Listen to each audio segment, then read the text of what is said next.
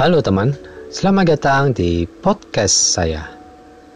Di unggahan pertama ini, saya ingin memperkenalkan diri dengan bertanya kepada diri sendiri, siapakah saya? Sebenarnya ini sih materi yang ada di blog lama, namun kok rasanya masih relevan dalam kehidupan saya saat ini.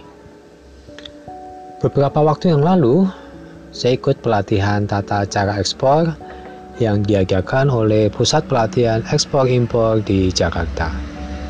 Nah, beberapa peserta di pelatihan itu kemudian menjadi teman yang masih berhubungan sampai ketika event itu selesai.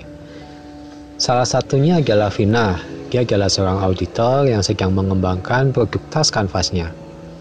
Dalam suatu kesempatan, Vina bilang, Pau, Dulu ya, pas pertama di kelas, aku pikir kamu tuh orangnya serius banget dan galak loh. Sampai aku tuh mau nanya sesuatu aja takut. Padahal ternyata kamu bisa santai dan guyon juga ya, hehehe. Itu kata Vina. Nah, terus beberapa waktu kemudian, aku ikut pameran di Hong Kong. Hampir semua teman peserta pameran juga mengatakan hal yang sama. Bahkan, ada satu orang dari Kementerian Koperasi bilang, dulu itu ya pas lihat foto Pak Paulus, aku langsung mikir orang ini pasti galak banget. Iya, jawab Nangga, seorang peserta pameran. Aku aja sampai takut loh pas ketemu pertama. Padahal ternyata orangnya ya lucu dan bisa jadi teman jalan yang seru. Nggak ngerti ya, kenapa orang lain selalu menilai aku serius dan galak. Aku tuh itu sering loh mendapati teman yang baru kenal, bicaranya sangat dijaga. Mungkin dipikirnya kalau salah ngomong kepalanya langsung aku caplok. Ada teman ngomong, makanya jangan ngejudge a book by its cover, dia bilang. Helah, ini kok malah dipikir aku semacam buku pakai cover. Terus kira-kira aku tuh buku apa ya? Buku resep masakan, tin lead, stensilan, atau apa? Nggak ngerti. Uh, aku mikir dan aku yakin selain dinilai galak pasti ada atribut lain yang ditempelkan ke citra seorang Paulus Book. Entah itu pelit, rajin, malas, membosankan. Entah apalagi aku nggak ngerti.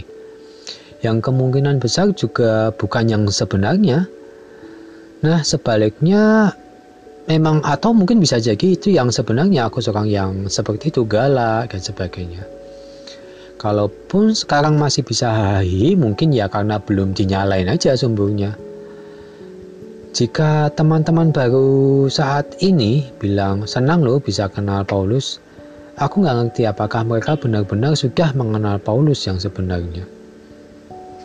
Sebaliknya juga, apakah aku sudah benar mereka citra sejati dari teman-teman ini. Ada sebuah kalimat atau pepatah yang mengatakan, Do we ever really like a person or just with our idea of who she or he is?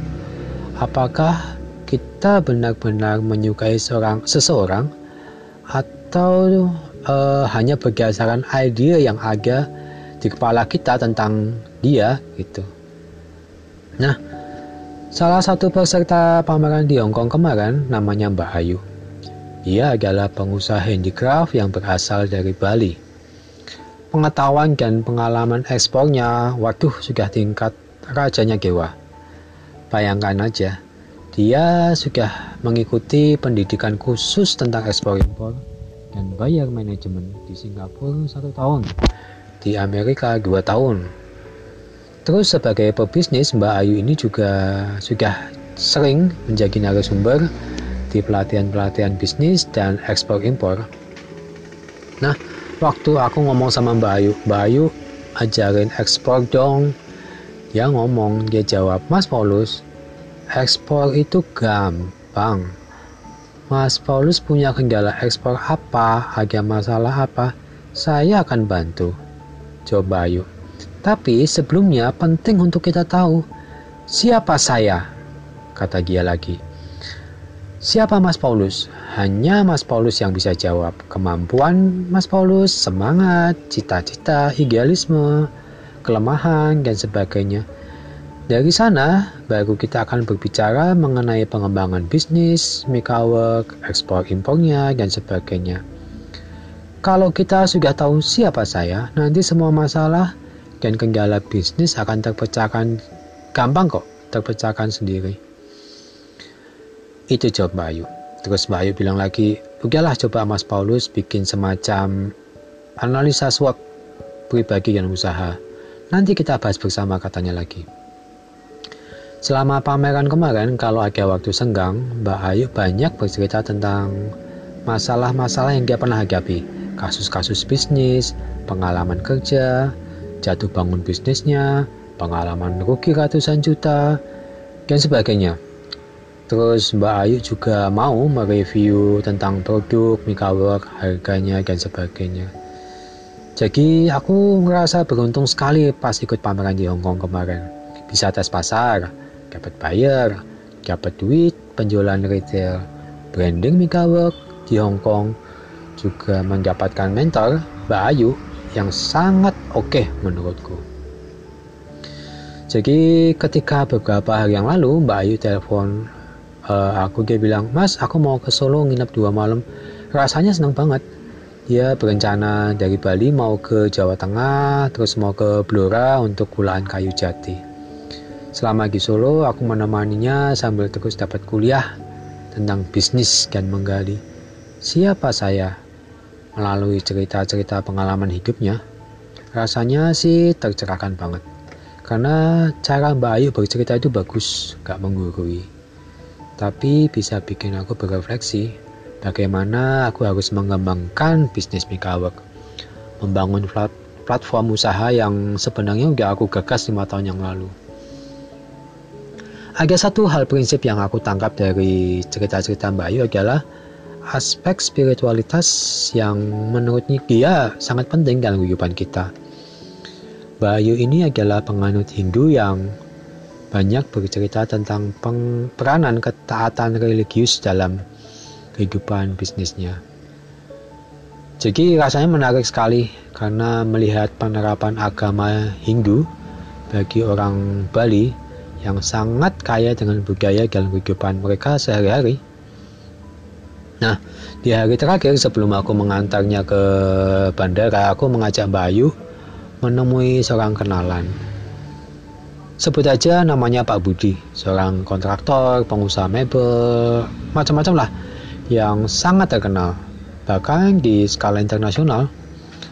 Salah satu karyanya adalah kompleks bangunan kantornya yang dibangun dari material sisa-sisa limbah proyek.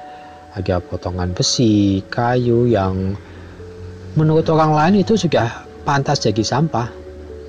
Nah, oleh Pak Budi ini kemudian disatukan menjadi sebuah bangunan yang besar, megah. Banyak orang-orang di dunia desain Indonesia pasti pernah mendengar, baca, atau bahkan melihat langsung bangunan ini. Terakhir kali aku ketemu Pak Budi dan mengunjungi kantornya mungkin sekitar dua tahun yang lalu. Rasanya kagum dengan bangunan yang diciptakannya. Sangat megah dan teguh. Tapi ketika kemarin aku ke sana bersama Bayu, rasanya kok kaget. Ada rasa yang beda. Suasana di dalam di luar bangunan terasa suram dan kumuh. Nggak terawat baik. Padahal ya, saat itu juga nampak ada pembangunan-pembangunan baru di sayap kanan kiri bangunan. Nah kami sempat ngobrol lama dengan Pak Budi yang kembali bercerita dengan sangat bangga tentang bangunan kantornya yang dibangun dengan tangga petik sampah. Ya aku simpan aja dalam hati kenapa bangunan ini sekarang menjadi rasanya redup dan kumuh gitu. Terus akhirnya ketika kami pamit pulang di pintu pagar itu Mbak Ayu nunjukin ada sebuah pohon banyan. Dan dia ngomong, Mas Paulus, coba lihat ya, dalam waktu tidak lama usaha Pak Budi ini bisa menghadapi masalah loh. Pohon banyan ini menyerap energi bangunan dan aktivitas di sekitar sini. Rasain aja aura bangunan di sini kan rasanya redup gitu. Kemudian Mbak Ayu cerita kalau di Bali itu kan ada aturan membangun rumah yang namanya hasta kosala kosali yang dia itu mengatur jenis bahan bangunan yang dipakai untuk membangun rumah mestinya ya bahan bangunan yang baik, yang bukan tangga petik sampah. Nampaknya memang kombinasi pohon bangunan ban, sorry, nampaknya kombinasi pohon banyak dan bangunan berbahan sampah itu tadi sangat buruk. sorry, bahkan mengundang makhluk nggak jelas bikin bangunan dihuni makhluk gaib. Sopir mobil taksi yang nguping pembicaraan kami membenarkan iya mas yang dikatakan banyak benar. Tak gitu loh saya ngobrol sama Pak Satpamnya. Katanya memang di sisi belakang yang difungsikan sebagai kantor itu sangat angker. Kalau malam itu nggak yang berani loh masuk ke sana. Padahal dulu katanya nggak seperti itu. Terus aku tuh guyon nanya sama Mbak Ayu. Mbak Ayu, terus apa yang harus dilakukan Pak Budi agar terhindar dari masalah ini. Jawaban Bayu, ya bangunan itu harus dirobohkan terus diganti dengan bangunan yang lebih baik. Cuman masalahnya bangunan itulah yang menjadi kebanggaan terbesarnya saat ini. Coba Bayu. Terus sesudah aku mengantar Bayu pulang gitu terus aku jadi mikir panjang tentang siapa saya tentang kebanggaan-kebanggaan yang aku miliki dan perjuangkan selama ini, pencapaian-pencapaian tentang nilai kehidupan yang aku terapkan. Siapakah saya sebenarnya? Tentang saya Paulus Book, crafter, uh, entrepreneur, uh, traveler. Apakah itu saya? Ataukah saya seperti Pak Budi yang bangunan kebanggaannya justru adalah sumber bencana yang sedang mengintanya? So, siapakah saya?